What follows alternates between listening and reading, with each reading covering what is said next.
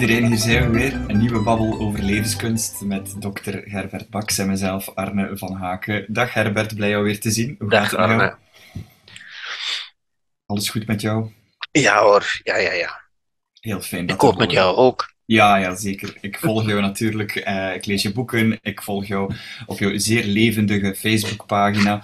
En uh, daar is weer heel wat te doen geweest rond. En, um, uh, oorspronkelijk is het begonnen met een artikel over een zangeres, Selassou, die um, ja, een beetje worstelt met depressie. En um, ze is naar buiten gekomen dat ze terug aan de antidepressiva gaat. En daar is ja. Ja, heel wat reactie op gekomen in het nieuws.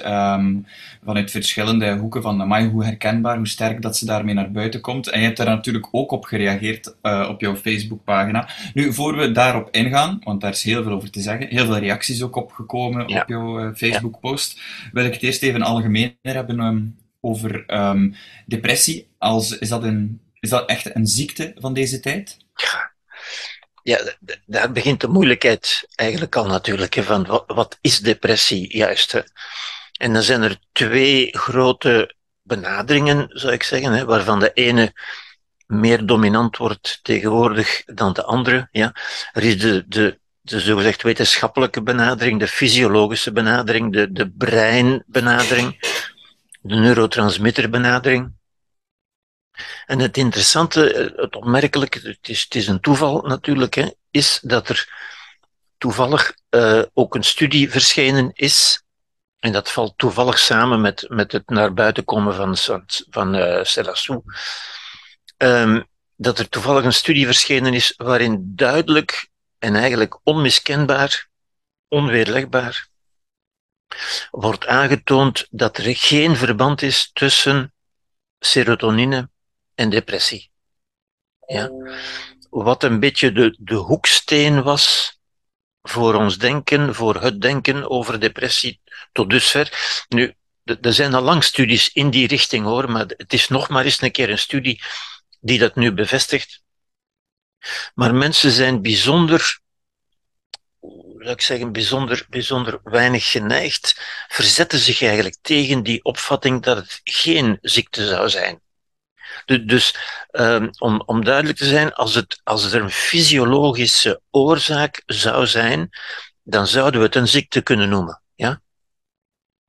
Een depressie wordt trouwens vaak vergeleken, of werd ver, vaak vergeleken, met een diabetes. Hè? En een diabetes, dat is duidelijk. Ja? Hmm. Diabetes is een tekort aan insuline met allerlei, als gevolg allerlei symptomen. Ja? Dat is duidelijk en eens we dat begrepen hebben, is ook de behandeling duidelijk. Je geeft die mensen insuline en, en als bij wonder verdwijnen al die symptomen. Ja? Dat is natuurlijk een, een, een, een schitterend model van, van waar het begrijpen van de, van de logica, zou ik zeggen, als je iets begrijpt, dan kun je het ook behandelen. En de vergelijking werd ook vaak gemaakt, ja kijk, depressie, dat is eigenlijk een tekort aan serotonine. Duidelijk, hè? Als, als dat, dat is duidelijk. Hè? Dus we gaan middelen geven die serotonine verhogen. En dat zijn dus de antidepressiva, de hele grote klasse van antidepressiva. Nu, dat denkbeeld, dat inderdaad zo verleidelijk is en zo, zo mooi, je zou hopen dat het waar was natuurlijk. Ja? Maar het is nu duidelijk, en, en al, al, al, al sinds twintig jaar eigenlijk horen, dat er studies zijn die duidelijk aangeven dat het niet zo is. En natuurlijk, de farmaceutische industrie speelt daar ook een rol in, heeft dat verhaal natuurlijk mee bevestigd en zo verder, waardoor ook artsen dat zijn gaan geloven en zo verder. De, dat is een beetje tot, het, tot de populaire mind gaan behoren. Dat wordt een beetje als vanzelfsprekend gezien. En veel mensen stijgeren om dat verhaal los te laten. Van ja, maar dan zijn we weer onzeker. Wat is het dan, natuurlijk? Hè? Mhm. Toch is dat wat we moeten doen, in feite. Ja? Mhm. Dus dat biologische verhaal, dat klopt eigenlijk niet. Dat moeten we, helaas, jammer, moeten we loslaten. Ja. ja. hoe helder het ook zou zijn mocht het kloppen. Juist, hoe helder en, en, te behandelen. Ja. En hoe gemakkelijk en hoe fijn en hoe, hoe bevredigend eigenlijk het zou zijn. Ja. Maar helaas, het is niet waar. ja? Wat staat daar dan het is in, in dat licht, in die context, dat ik Mhm. ook gereageerd heb op het verhaal van Selassou natuurlijk. Hè. Ja, want daar gaat het heel duidelijk over antidepressiva. Ja. Even, even Ja. samengevat, eh, um, Selassou heeft ehm, al een verleden met ehm, antidepressiva, heeft Ja. er 14 jaar gebruikt, heeft dan een periode nu zonder gegaan. En nu heeft ze op haar Facebook een post gedaan naar haar fans en volgers van kijk, ik wil jullie updaten, het gaat weer moeilijk, ik ben weer begonnen met antidepressiva. En daarop zijn heel veel reacties gekomen van mensen van wauw, goed dat je het taboe doorbreekt Ja. rond depressie. Ja. Maar er wordt wel een beetje voorbij gegaan, allee, of, of, of gewoon vanuit gegaan dat het het juiste model is, namelijk van ja, die antidepressiva zijn, mo zijn, zijn, zijn nodig en zo. En het is eigenlijk daarin dat jij even aan de, de rem trekt van hela hola, we gaan hier zomaar vanuit dat die antidepressiva de Ja. oplossing zijn. Ja. Eh, en er staat heel wat in het artikel dat ik mij wil bespreken daar rond. Maar ik denk dat dat vooral de reden was dat jij zegt van ik moet daar even iets over schrijven. Klopt Ja. dat? Inderdaad, inderdaad. Mhm. Want natuurlijk, als, als dat niet waar is, ja, en dat, dat, dat, dat moeten we nu aannemen, we kunnen het niet blijven geloven uiteindelijk, hè, Ja. dan, stelt, dan rijst de vraag, wat is het dan wel? Ja. Wat is er dan wel aan de hand? Ja? En hoe komt het, en dat is dan ook een vraag, hè, want dan moeten we verschillende vragen beantwoorden natuurlijk. Hoe, hoe kan het dan toch dat er toch mensen zijn die, die toch blijkbaar beter worden met antidepressiva? Want dat zien we natuurlijk ook. Dus uiteindelijk is niet aangetoond, en, en dat, dat is al een eerste nuancering natuurlijk, hè. er is niet aangetoond dat antidepressiva niet werken. Er is wel aangetoond dat ze niet kunnen werken op de manier die we gedacht hadden. Ja? Als het serotonineverhaal niet klopt, dan zijn antidepressiva die daarop gebaseerd zijn, dat klopt dan ook niet. Maar toch stellen we vast dat veel mensen zeggen, veel mensen zeggen zelfs, dat heeft mijn leven gered. Waaronder denk ik dat Selassou dat ook gezegd heeft, denk Ja. ik, en, en nog een aantal andere mensen. Wat is daar dan aan de hand? Hoe, hoe moeten we dat dan verklaren uiteindelijk? Want dan moeten we dat ook kunnen verklaren. Ja. Ja? En heeft dat dan te Ja, waarschijnlijk wel. Ik vermoed dat het te maken heeft met een soort van placebo-effect dan. Of, of... Wel, eh, het placebo-effect, dat, dat horen mensen natuurlijk niet graag. Ja? Maar het placebo-effect is eigenlijk gewoon, en, en dat zegt eh, Dick Swaap bijvoorbeeld ook, de bekende neuroloog Dick Swaap zegt ook, hè, het placebo-effect is het onbegrepen, ongekende, zelfhelende effect, zelfhelende vermogen van het brein. Ja? En dat is iets, ja, ja, als we dat zeggen, dan moeten we zeggen, we begrijpen dat eigenlijk niet. Ja, het is ongekend. Ja. Het is onbekend, we begrijpen dat eigenlijk niet. Ja? Maar we stellen wel vast dat het zo is. Ja. De- dan komen we op de. Als ik, als ik het terug even over de, de- over de Cartesiaanse kloof mag hebben, hè, dus over de, de, het materiële ding en het denkende ding, het denkende ding, ja, dan zien we dat het denkende ding blijkbaar een grote invloed heeft op het materiële ding. Ja? Nu, ik, ik zou zeggen, je kunt dat ergens begrijpen, of, of, of een, een mogelijke toegang is van te zien, er zijn veel dingen die we doen en die we niet begrijpen hoe we ze doen. Ja? En waar we ook niet zeggen, ja, het zijn mijn neurotransmitters. Ja? Zeg maar het hele gebied van de kunst bijvoorbeeld. Ja? Mensen die, die gedichten maken of die, of die muziek maken of die verliefd worden. Ja? Al die mooie dingen die we, die, we, die we graag horen, dan zeggen we toch niet, ja, maar dat komt door mijn neurotransmitters. Ja? Dat zouden we dan eigenlijk ook moeten zeggen. Als een depressie door je neurotransmitters komt, ja, dan moet het omgekeerde van een depressie, namelijk je goed voelen, dan moet je ook zeggen dat komt van mijn neurotransmitters. Maar daar zijn we veel minder graag toe bereid. Dan zeggen we nee, nee, dat, dat ben ik. Mhm. Wat is die ik dan in feite? Ja? Wel, dat is de ik zoals ik die ervaar in mijn, mijn denkvermogen, mijn, mijn creatieve vermogen, mijn, mijn belevingsvermogen enzovoort. Al die moeilijke dingen waarvoor we geen verklaring hebben. Ja? Er is ook geen wetenschap van het maken van, van, het, van het, het ideale muziekstuk bijvoorbeeld, of het ideale schilderij. Daar hebben we geen wetenschap voor. En dus al die dingen die, die toch de hoogste uitingen van de mens zijn, daarvan moeten we zeggen, daarvan hebben we geen wetenschap. Mhm. Ja? Nu, ik zou, depressie moeten we daartoe rekenen, denk ik. Namelijk een beetje in de, in de negatieve zin, enfin, negatief is geen goed woord, in de ongewenste zin zou ik zeggen, maar het behoort toch tot de hoogste regio's van de mens. En ik denk dat je het best kunt voorstellen als je denkt aan een relatie. Ja? Als je denkt aan een relatie, en dat kan iedereen zich voorstellen, een relatie met een persoon, ja? Je kunt verliefd zijn en dan zeg je niet dat zijn mijn neurotransmitters. Ja? Maar stel dat die verliefdheid overgaat en, en geleidelijk overgaat in, in het idee van, ja, maar op die partner, eigenlijk zie ik dat niet meer zitten. Eigenlijk ben ik daarop uitgekeken.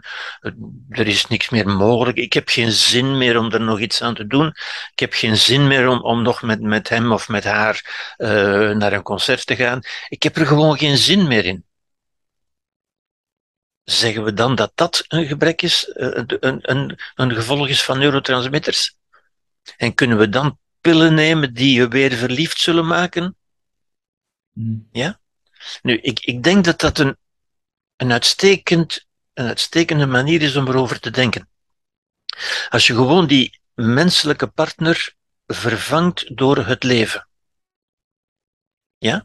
En dat is wat bedoeld wordt met existentieel. Existentieel is je relatie tot het leven.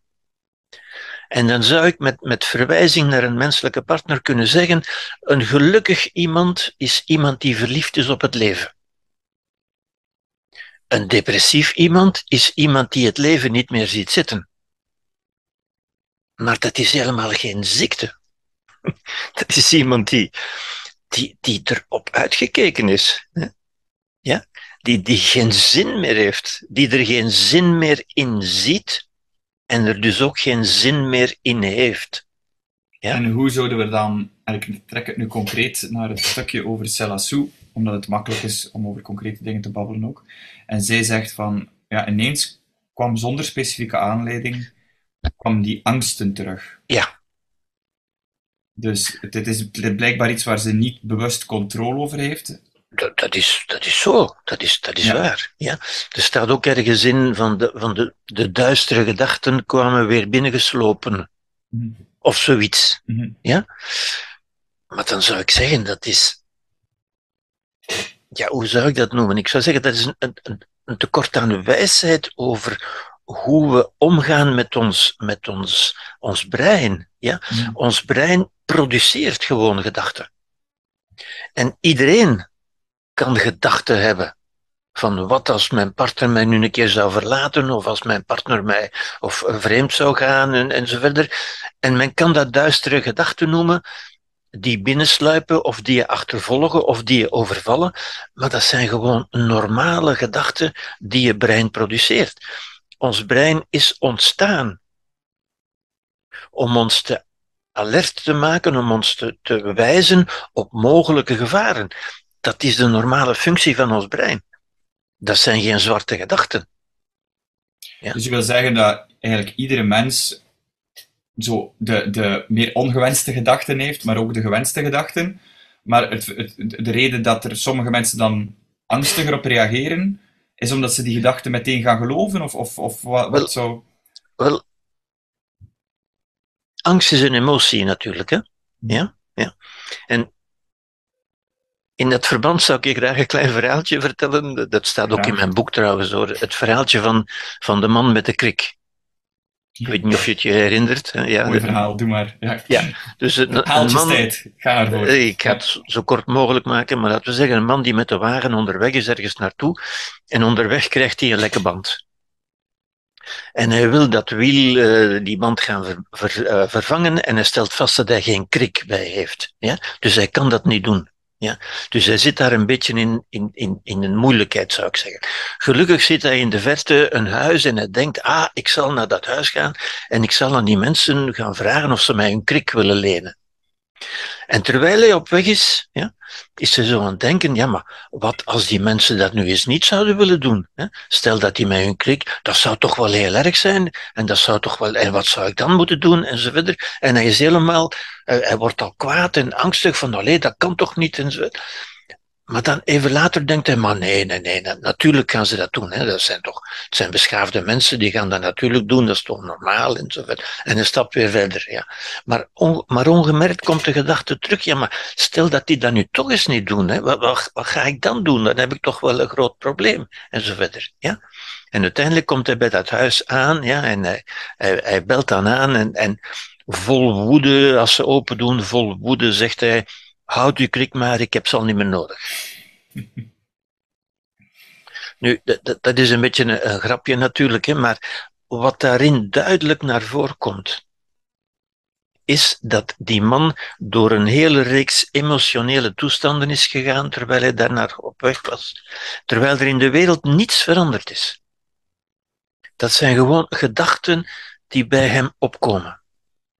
En dat is ons brein. Ons brein dient daarvoor. Ons brein doet dat. Ja? Dat, dat is het, het wonderlijke vermogen dat we hebben om ons dingen voor te stellen die er niet zijn. Dat is ook ons creatieve vermogen. Ja? Creatie is altijd je iets voorstellen dat er nog niet is. Een schilderij of een gedicht of een, of een muziekstuk. Ja? En dat, dat realiseren en dat vinden we fantastisch, dat is onze creativiteit. Ja? Maar met datzelfde vermogen kunnen we ons ook ongewenste toestanden. Wat als ik nu eens een liedje schrijf en dat heeft geen succes bijvoorbeeld? Van oei, ja? Of ik moet een lezing gaan houden, wat als ik nu alles zou vergeten zijn? Dat, heeft niks met, met de neurofysiologie te maken. Dat, zijn, dat, is, dat is de echte psychologie. Dat is de de werking, zou je kunnen zeggen, van de mind, van de psyche. Dat is de echte psychologie. Hè. Dat is niet ons brein, dat zijn niet onze neurotransmitters.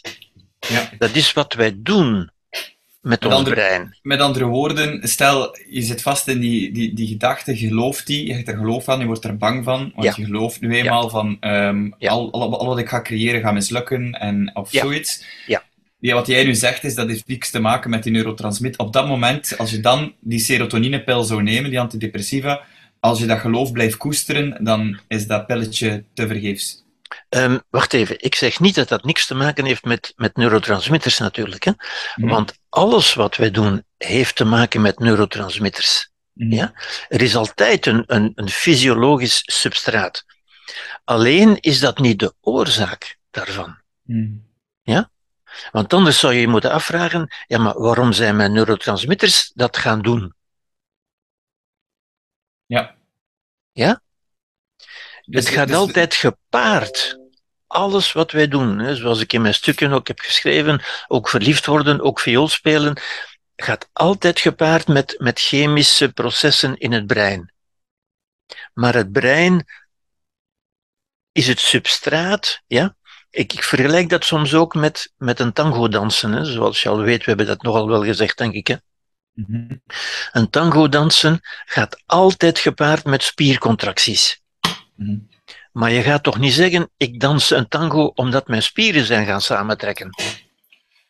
Ja? Nee, je hebt in je mind, in je geest, dat wonderlijke ding dat we niet begrijpen, ja, heb je gezegd, ik ga een tango dansen.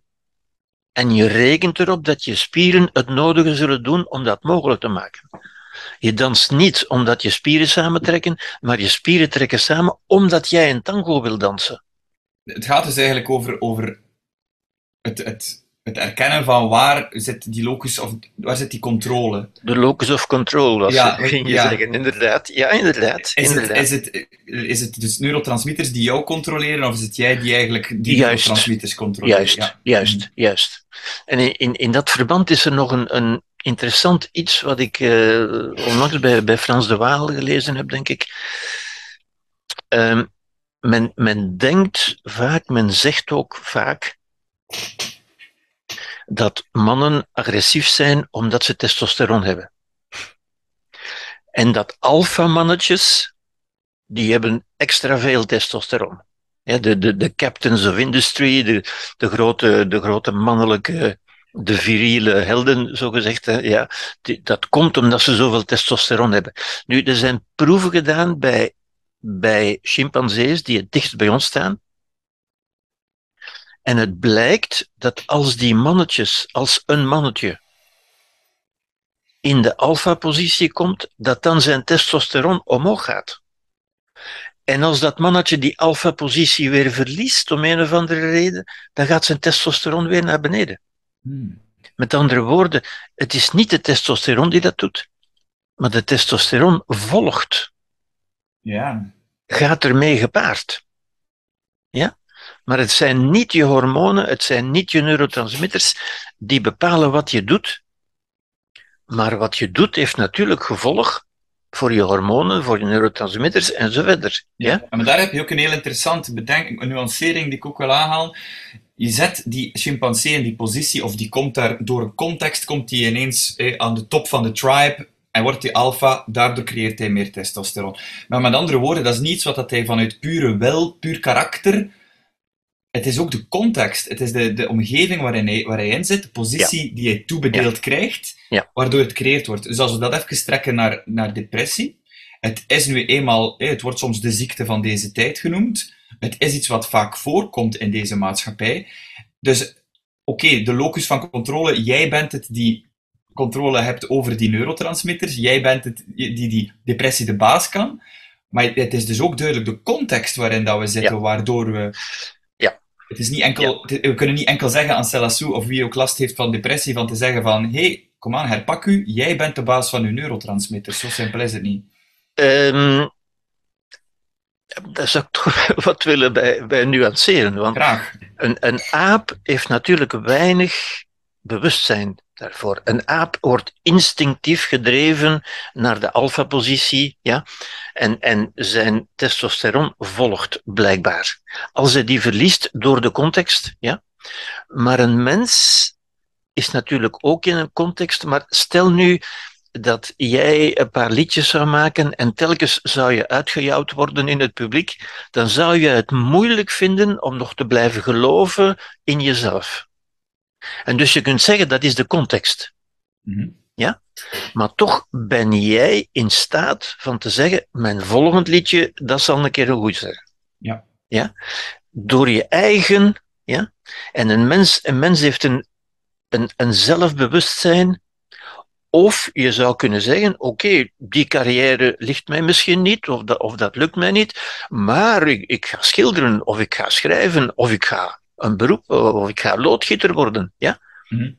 Een mens kan zich altijd, een, een mens heeft ongelooflijk veel mogelijkheden, en ook daarin is ons bewustzijn belangrijk, want we kunnen ons voorstellen. Mhm. Ja? Oké, dat is nu wel niet gelukt, ja? maar in plaats van daaruit de conclusie te trekken, zie je wel dat ik een mislukkeling ben, en dat ik niks kan en dat het geen zin heeft van nog iets te doen, dat is de depressieve relatie met het leven. Hè? Het heeft geen zin meer. Mhm. Maar je kunt ook zeggen, ja, oh maar nee, oké, ik neem aan dat dat, eh, dat dat voor mij niet meer weggelegd is. Ja?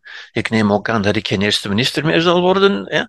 Maar ik kan wel andere dingen doen. Ik kan me voorstellen dat ik andere dingen doe en mijn leven toch nuttig en goed besteed. Ja, net, niet, niet zoals de chimpansee, dat we enkel bepaald worden door de context. We hebben een voorstellingsvermogen, we hebben ons bewustzijn. Juist. We hebben onze flight simulator, kunnen ons andere situaties voorstellen, waardoor we altijd andere keuzes kunnen maken eigenlijk. Ja. Ja. ja. Maar iemand die dan bijvoorbeeld in een depressie zit, die ontbreekt zich op dat moment het bewustzijn, of die voorstelling, die mogelijke voorstelling van je kan het anders zien. Dat is waar. Dus dan is er wel hulp nodig van anderen. Dan kan je het niet. Ja. Dat is waar. Dat is waar. Daar ben ik het helemaal mee eens. Omdat wij ook, wij allemaal, de neiging hebben van een beetje vast te zitten, zou ik zeggen, of een beetje klem te zitten in het beeld dat wij gevormd hebben. Als ja, je, schrijft dat zo mooi in een stuk. Um, iedereen zit in zijn eigen droom schrijven. Wat is het? In zijn eigen ja. voorstelling? Ik weet niet meer wat het precies was. Ja. Ja. ja. ja. Stel dat iemand is gaan geloven, hè, van, van ik, ik kan niks goeds meer doen. Ja? Zie, je wel, hè, zie je wel, ik heb twee keer een mislukking meegemaakt in de liefde of, of op het podium of, of waar dan ook.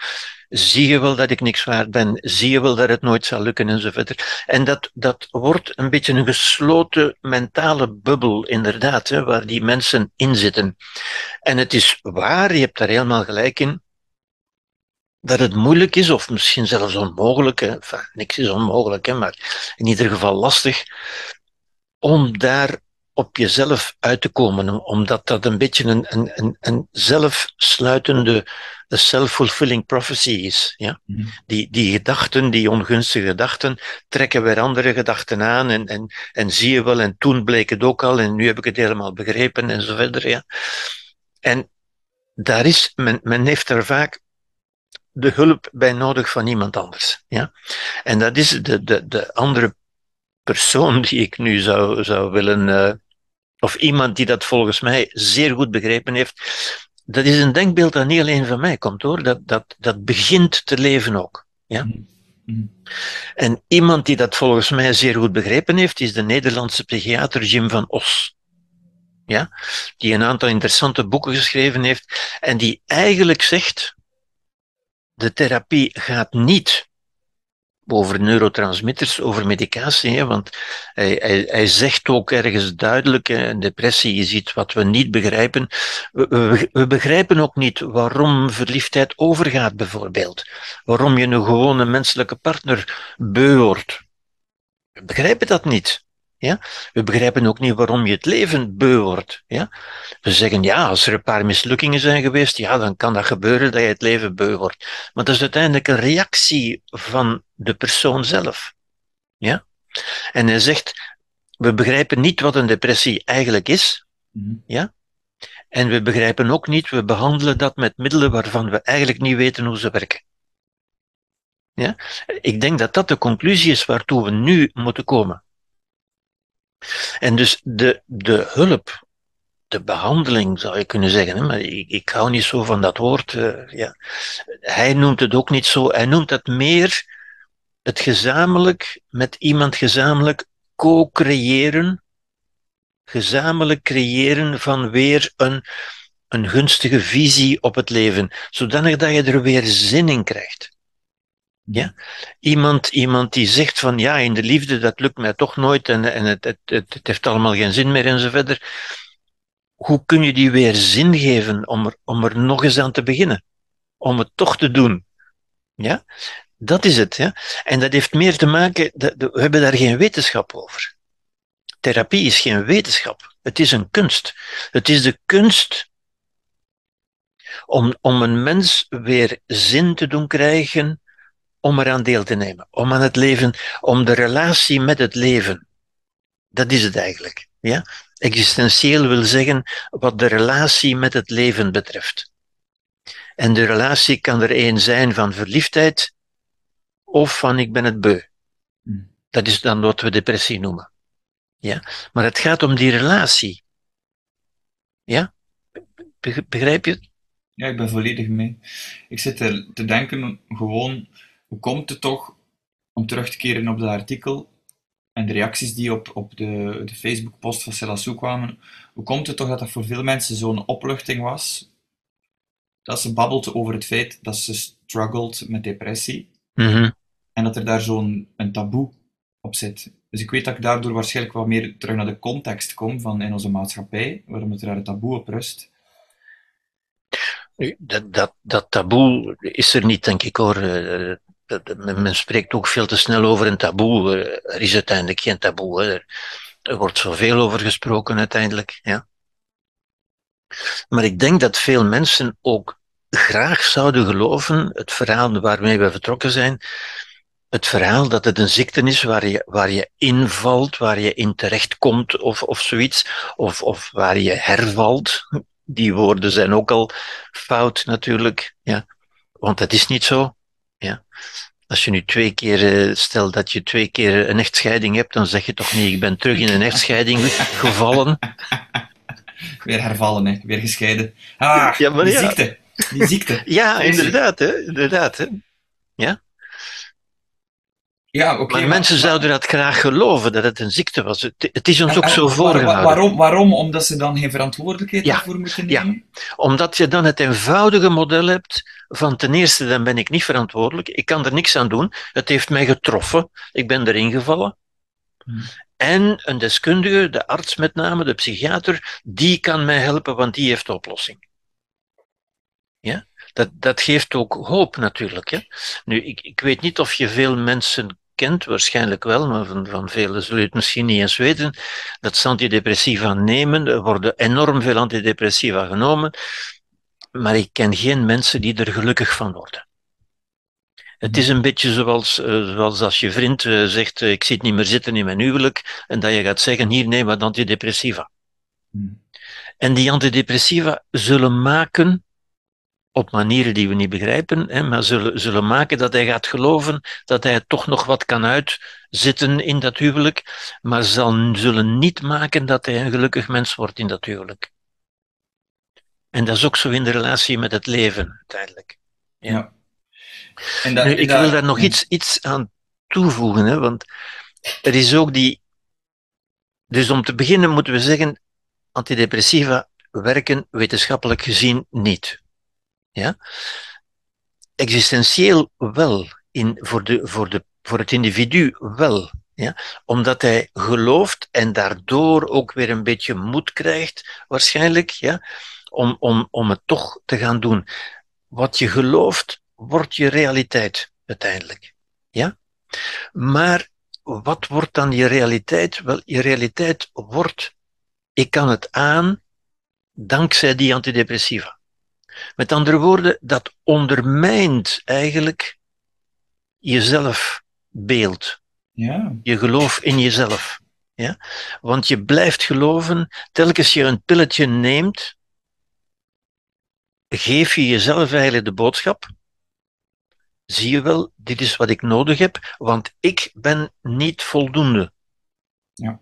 Ik heb dat nodig. Telkens je iets nodig hebt, creëer je een afhankelijkheid. Een afhankelijkheid wil zeggen een vermindering van je autonomie. Je gaat dus geloven, wat veel mensen ook effectief geloven, ja, van ik kan dat niet, ik kan dat niet aan. Terwijl we weten dat mensen dat wel aan kunnen natuurlijk. Ja? Mensen beperken zich veel meer door wat ze geloven over zichzelf dan door de, de reële mogelijkheden die ze hebben. Mhm. Er zijn veel mensen die zeggen dat ze niet kunnen zwemmen, terwijl ik weet dat ze kunnen zwemmen. Mhm. We weten dat. Ze hebben het alleen niet geleerd. En ze zijn gaan geloven dat ze het niet kunnen. Zo zijn er veel mensen die denken dat ze niet kunnen stoppen met roken. Nu, ik, ik weet dat ze dat wel kunnen. Iedereen kan stoppen met roken. Maar zolang je jezelf voorhoudt en telkens je een middeltje neemt, hè, voor, voor het roken is dat dan, eh, zijn er middelen tegenwoordig, hè, en telkens je dat neemt, bevestig je in jezelf het narratief van, zie je wel dat ik dat niet kan, want ik heb daar iets bij nodig. Ik heb een kruk nodig, met andere woorden. En krukken zijn geweldige uitvindingen voor mensen met een gebroken been, maar als mensen met goede benen met een kruk gaan lopen, wel, dan gaan hun, hun eigen benen eh, verzwakken. En, en dat is wat eigenlijk gebeurt. in feite. Ja? Dat is ook met verslaving zo natuurlijk. Hè. Telkens je iets neemt, of, of gewoon met roken, hè. mensen zeggen ik heb dat nodig. Nu, telkens je zegt ik heb dat nodig, verminder je je, heb je eigenlijk, eigenlijk dat een disempowerende gedachte zou je kunnen zeggen. Dat wil zeggen ik kan niet zonder. Dus je maakt jezelf kleiner, eigenlijk. Dat is bij uitbreiding dan bij elke negatieve conclusie. Als je zegt, ik kan niet alleen zijn, dus ik zoek Ja. altijd andere volk. Dat is Ja, ja, ja, ja, ja, ja. ja, Ja, ja, eigenlijk als je zegt ik kan niet alleen zijn, dan instrumentaliseer je de ander tot een remedie voor je alleen zijn. Ja. Ja? Men kan daar begrip voor hebben, maar men kan dat geen liefde noemen natuurlijk. Ja. Mhm. Veel, veel liefde, veel relaties zijn eigenlijk vormen van verslaving, zou ik Mhm. zeggen. Dus eigenlijk, als het begint bij het komen gedachten boven in je bewustzijn. En dat is normaal. Dat is, zo zijn we evolutionair gegroeid. We, we willen situaties tegengaan. En dat is goed. En dat is goed. Maar daar begint het al. Hè? Ja. Als we als we dat zien als dat is het probleem. Ik heb angstige gedachten, ik geloof ze. En dan zeg je, eh, eh, er is een oplossing nodig van buitenaf. Ik heb een pil nodig. En je gelooft dat die pil jou Ja. helpt. Ja. Dan heb je niet de bronnen, terwijl je net moet denken van, het zijn ook die gedachten, je kan er ook weer gedachten tegenover plaatsen. Ja, een- Inderdaad. Inderdaad. dat, dat we eigenlijk meer daarop zouden moeten inzetten. Want zelfs al is het een pil dat we als remedie nemen, dan toch is dat eigenlijk, is die pil ook een gedachte dat we tot ons nemen. Ja. Een heel beperkende gedachte, Zeer- namelijk. We maken ons afhankelijk van zelf Ja. niet. Ja. Dus we denken dat we een pil nemen, maar eigenlijk beginnen we een gedachte te nemen. Dat- in die dat- ons disempowert eigenlijk. Ja. Ja, dat, dat heb je nu zeer goed uitgedrukt. Inderdaad. Inderdaad, die, die pil is eigenlijk ook een gedachte. Dat is waar. Ja. De symbolische betekenis noemt men dat dan natuurlijk. Ja. Ja, ja, ja inderdaad. En ik kan me inbeelden dat dat voor jou dan heel frustrerend is als je bijvoorbeeld dan in het artikel dat je bespreekt op Facebook over Selassou leest dat een psychiater, ehm, een autoriteit, zegt van, ja, dat is normaal dat je kan hervallen daarin. Ja. Eh, iemand die eigenlijk helemaal meegaat in, in, dat, in Ja. dat narratief. Eigenlijk heel, die heel, het is heel duidelijk dat het iets is wat niemand kan verklaren. Ja. En dan toch gaan we, gaat die psychiater mee in dat narratief van het is normaal dat je daarin kan eh, hervallen. Ja. Ja, nu, heel de medische wereld is daarin meegegaan eigenlijk. Hè? Ja. Maar daarom zeg ik eigenlijk ook, en, en Jim van Os zegt dat eigenlijk ook, de medische wereld heeft zich eigenlijk die levensproblemen toegeëigend. Heeft gezegd, dat is, ja, wij hebben daar de oplossing voor. Hebben dat om te beginnen een medisch probleem genoemd. Wij weten hoe dat het komt en wij hebben de oplossing. Mhm. Zodanig dat mensen als ze levensproblemen en uiteindelijk angstige gedachten, dat is een levensprobleem. Dat komt bij iedereen op. Ja? De oplossing is niet van die weg te drukken of die met pillen te laten verdwijnen of, of zoiets, maar van daar op een volwassen manier te leren mee omgaan en, en te begrijpen. Dat is normaal. Eh, Dank je wel, brein, dat je mij waarschuwt, maar ik heb erover nagedacht en, en oké, we kunnen dat doen. Mhm. En dat is de echte psychologie. Dat, dat is het, het werken met de mind. Wat doe ik met die gedachten? Ja? Die gedachten zijn geen probleem. Dat is normaal, dat hoort bij het leven. Maar wat maakt dat zo'n psychiater dat dan niet zo aankaart? Is dat omdat hij dat zelf niet inziet, die persoon? Of, allee, Ja, dat, dat is gewoon zo'n sterk maatschappelijk narratief van ja, Ja. het is waar en ik denk het. wees ja. mild voor Ja. jezelf, eh, Ja. kan, je bent kwetsbaar. Omdat, omdat dat ook ja, in de medische wereld is binnengekomen en men heeft daar dan een, een, een, een, een ziekte, een DSM-diagnose van gemaakt natuurlijk. En, en, en ze zeggen, ja, dat is wel normaal hoor, maar als dat langer dan twee weken duurt, dan is dat toch niet meer zo normaal. En als dat je normale functioneren begint te beletten, dan is dat toch niet meer zo normaal. Dan wordt dat een medische aandoening, een aandoening, een stoornis. Ja. die we nu gelukkig kunnen verklaren, want we weten nu dat is serotonine. Ja. En dat verhaal is zo doorgedrongen en, en ja, iedereen spreekt over depressie. Hè. Bijna alle patiënten die ik zie eh, spreken over depressie. Ik, vraag dan gewoonlijk wie heeft die diagnose gesteld? Ah, ikzelf. Mhm. En ik, ik heb dus ook al verhalen gehoord van mensen die met hun eigen diagnose naar de huisarts gaan of naar een psychiater en daarvoor antidepressiva krijgen. Mhm. Ja, ja. Ja, het toont nog Want die diagnose, dat, dat, dat moeten we toch ook zeggen, dat, het is ook belangrijk natuurlijk. Depressie is geen positieve diagnose. Mhm. En met een positieve diagnose bedoel ik iets wat men op een positieve manier in het laboratorium bijvoorbeeld, hè, met een bloedonderzoek of met een, met een hersenscan of met een urineonderzoek, maar op een onomstotelijke materiële manier kan aantonen. Ja? Depressie is, ja, als je het leven niet meer ziet zitten, als je er geen zin meer in hebt, als je geen plezier meer hebt, als je wat moeilijker slaapt eventueel, als je wat minder of, of wat meer eet. eh, en als dat, als dat een tijd aanduurt, Mhm. wel, dan is dat een stoornis.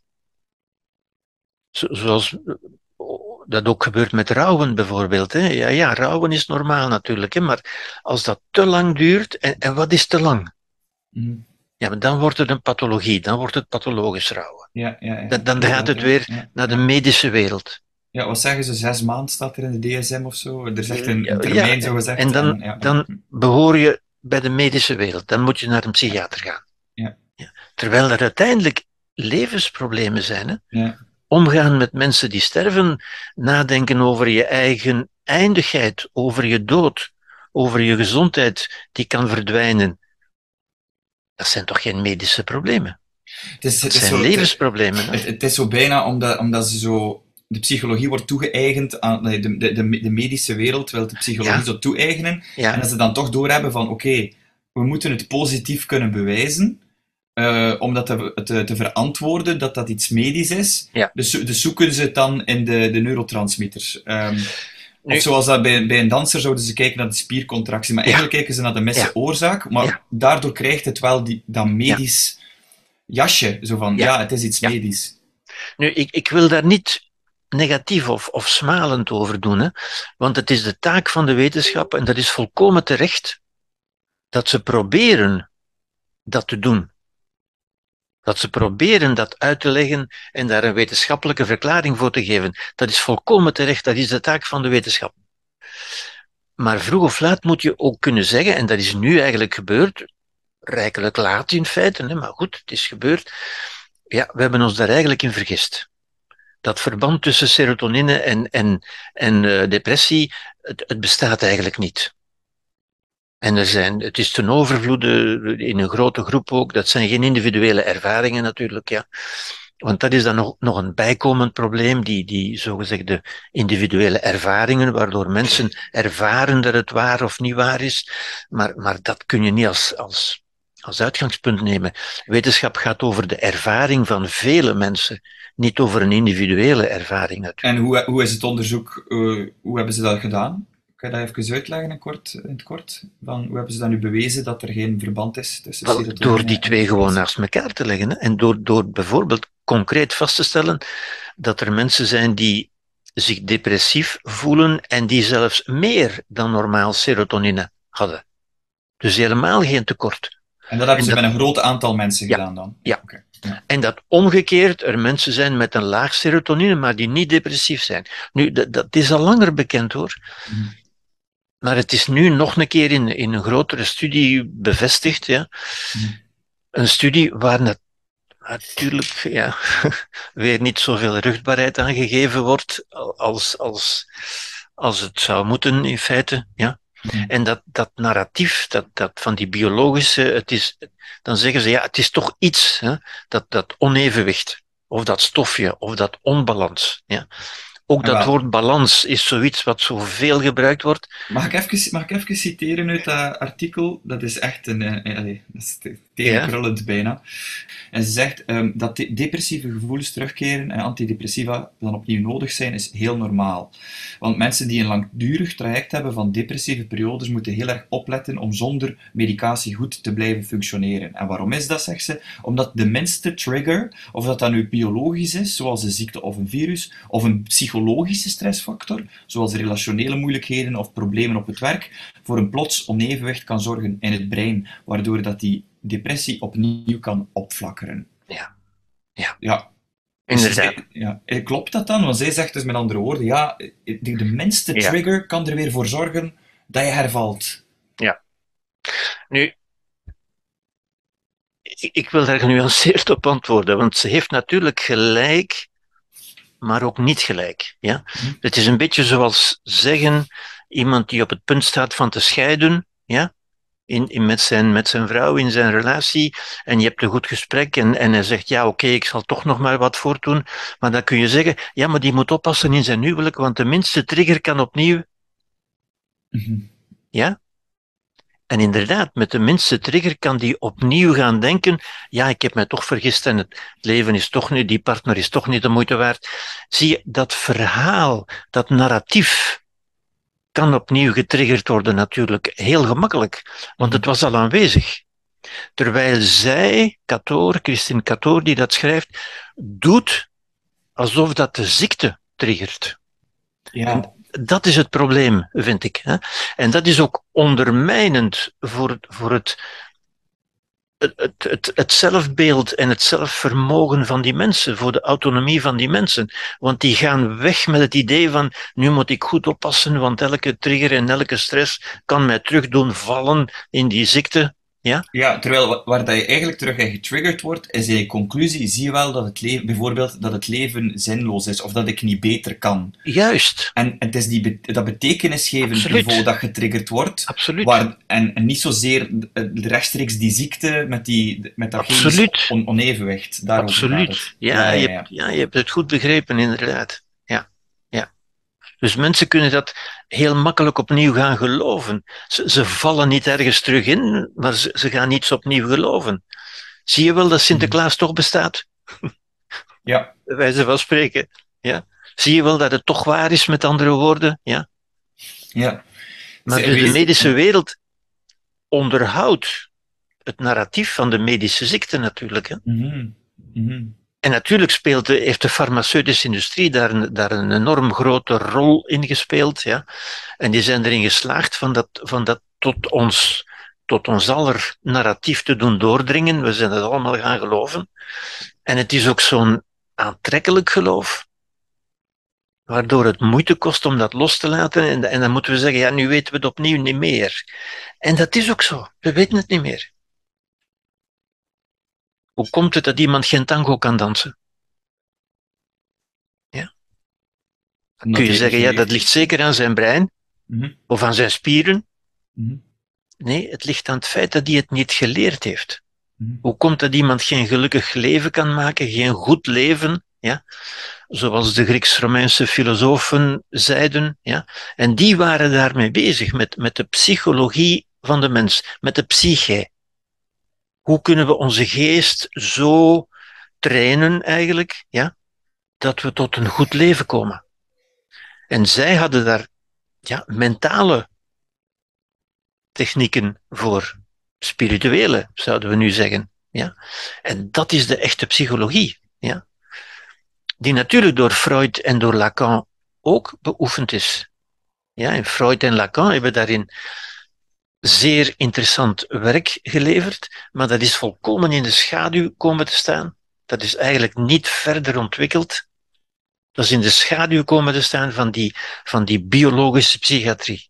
Mm. Ja, terwijl dat eigenlijk een, een, een zeer goede aanzet was. Ik zeg niet dat Freud dat dat, dat, dat ideaal was of dat hij gelijk had of zo, hè, maar het, in ieder geval was hij bezig met de geest, met de mind.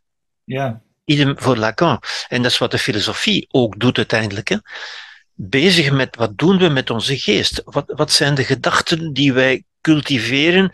Hoe kunnen we kijken naar de dingen? Ja? Hoe kun je iemand die, die op punt staat van te scheiden van zijn vrouw, hoe kun je die helpen? Bijvoorbeeld door hem te helpen van, ja, maar laten we eens even kijken naar je vrouw. Kijk eens opnieuw naar je vrouw. Ze heeft toch ook die goede dingen. En ze heeft toch, ja, ik krijg altijd een klein beetje kriebels in mijn buik als ik jou daarover hoor vertellen, want dat, dat, dat, ja, het is alsof ik dat elke keer zelf ook weer een beetje vanuit uit, uit wakker word. Um, ja, dat neem ik aan. Ja, dat neem ik aan. Alsof dat er altijd die mogelijkheid is om die, die houding van mogelijkheden aan te nemen, die blik. Um, het is zo belangrijk om daarover te blijven vertellen. Omdat... Ja, inderdaad. Vooral als tegenwicht tegen, tegen dat biologische narratief eigenlijk. Hè? Ja, dat we bepaald worden door ja. processen in ons. Of ja. bepaald worden ja. door de context rondom ons. Maar natuurlijk worden wij geformateerd, zeker een kind. Ja? Maar het komt er ook op aan van daaruit wakker te worden, van die formatering te zien, van die gedachten te zien. Ja? Angstige gedachten zijn geen probleem, dat is normaal. Het is normaal dat ons brein zegt van ja, maar heb je wel aan dat gedacht en aan dat gedacht? Dan moeten we niet zeggen, oei, daar wil ik niet aan denken. Dan moeten we daar een volwassen antwoord op geven van ja, ik heb daaraan gedacht. En als dat zou gebeuren, dan kan ik dat aan als een volwassen mens. Mm. Mooi. Ja. Ik, weet, ik weet niet, Gerbert, of je daar nog iets over wil zeggen, want er is daar zoveel over te zeggen, over depressie en over Tja, ik denk dat we het belangrijkste hiermee wel, wel gezegd hebben, wat ik, wat ik wilde zeggen. Dus eigenlijk is het een beetje een, een pleidooi ik, heb misschien nog, ik heb misschien nog, nog één, sorry dat ik je onderbreek, maar ik ga het anders vergeten. Nog één vraag, omdat ik daarnet zei van um, het wordt als, als een taboe gezien. En je zegt ja, het is, het is niet echt een taboe. Um, waarom, waarom wordt dat dan in die artikels een taboe, een taboe genoemd? Zo'n Celassou doorbreekt het taboe, daardoor, is dat gewoon een soort van media dat, dat denk ik, Ja, dat denk ik wel. Dat is een beetje journalistieke, journalistieke nieuwspeak, ja. denk ik. Ja, dat, dat, is geen taboe. Maar goed, ja. dat, dat, is ook niet het punt. Het, nee, nee, het punt nee. is niet over een taboe dat zogezegd doorbroken. Dat, dat zijn van die uitgeleefde clichés uiteindelijk, ja, zo, waar ik me kan aan, aan ergeren. Maar okay. Er moeten voortdurend taboes doorbroken worden. En zo, maar... ja, ja, het zal gewoon inderdaad iets om het nieuwswaarde te geven, uh, iets daarom zijn. Sorry dat ik je onderbrak. Je zei, nee, nee, dat is niet erg. Dat is het niet is erg. Een, je zei, het, is een, het is een pleidooi voor. Um... Het is een, wel, een pleidooi, zou ik zeggen, voor een, voor een een echte psychologie. Mm-hmm. ja? Dat wil zeggen een nadenken over de mind, over de psyche. Dat is wat we doen met ons brein. Ja? Niet ons brein. Dat is wat de medische wereld doet, de fysiologie. En, en dat is terecht, volkomen terecht. En die ontdekken razend interessante dingen. Ja? Maar het is wat wij doen met ons brein. Welke gedachten wij cultiveren, hoe we onszelf, onze mind vormgeven, ja, waaraan we aandacht geven, wat we belangrijk vinden en zo verder. Ja. Of we naar de voetbal kijken of, of, of we filosofie lezen, ja. dat zijn keuzes, bijvoorbeeld. Mm. Ja. En ik moet u niet zeggen waar in onze samenleving het meeste aandacht naartoe gaat, natuurlijk. niet naar filosofie lezen. dat is niet filosofie, inderdaad. En ik, ik denk dus dat we daaraan een groot tekort hebben. Ja. Gewoon aan levenswijsheid. Filosofie is eigenlijk levenswijsheid. Ja. En psychologie zou dat ook moeten zijn. Bedankt, Gerbert, voor het gesprek. Graag gedaan, Arne. Ik hoop dat het een beetje duidelijker geworden is ondertussen. Ik, ik ga de rest van de namiddag er nog over nadenken, weet ik zeker. Dat is uh, ja. fantastisch, maar dat is mooi. Onze gesprekken moeten dat effect hebben. Ja, inderdaad. inderdaad. Oké. Okay. Een fijne dag, Gerbert. Dankjewel. Arne, voor jou ook nog een fijne dag.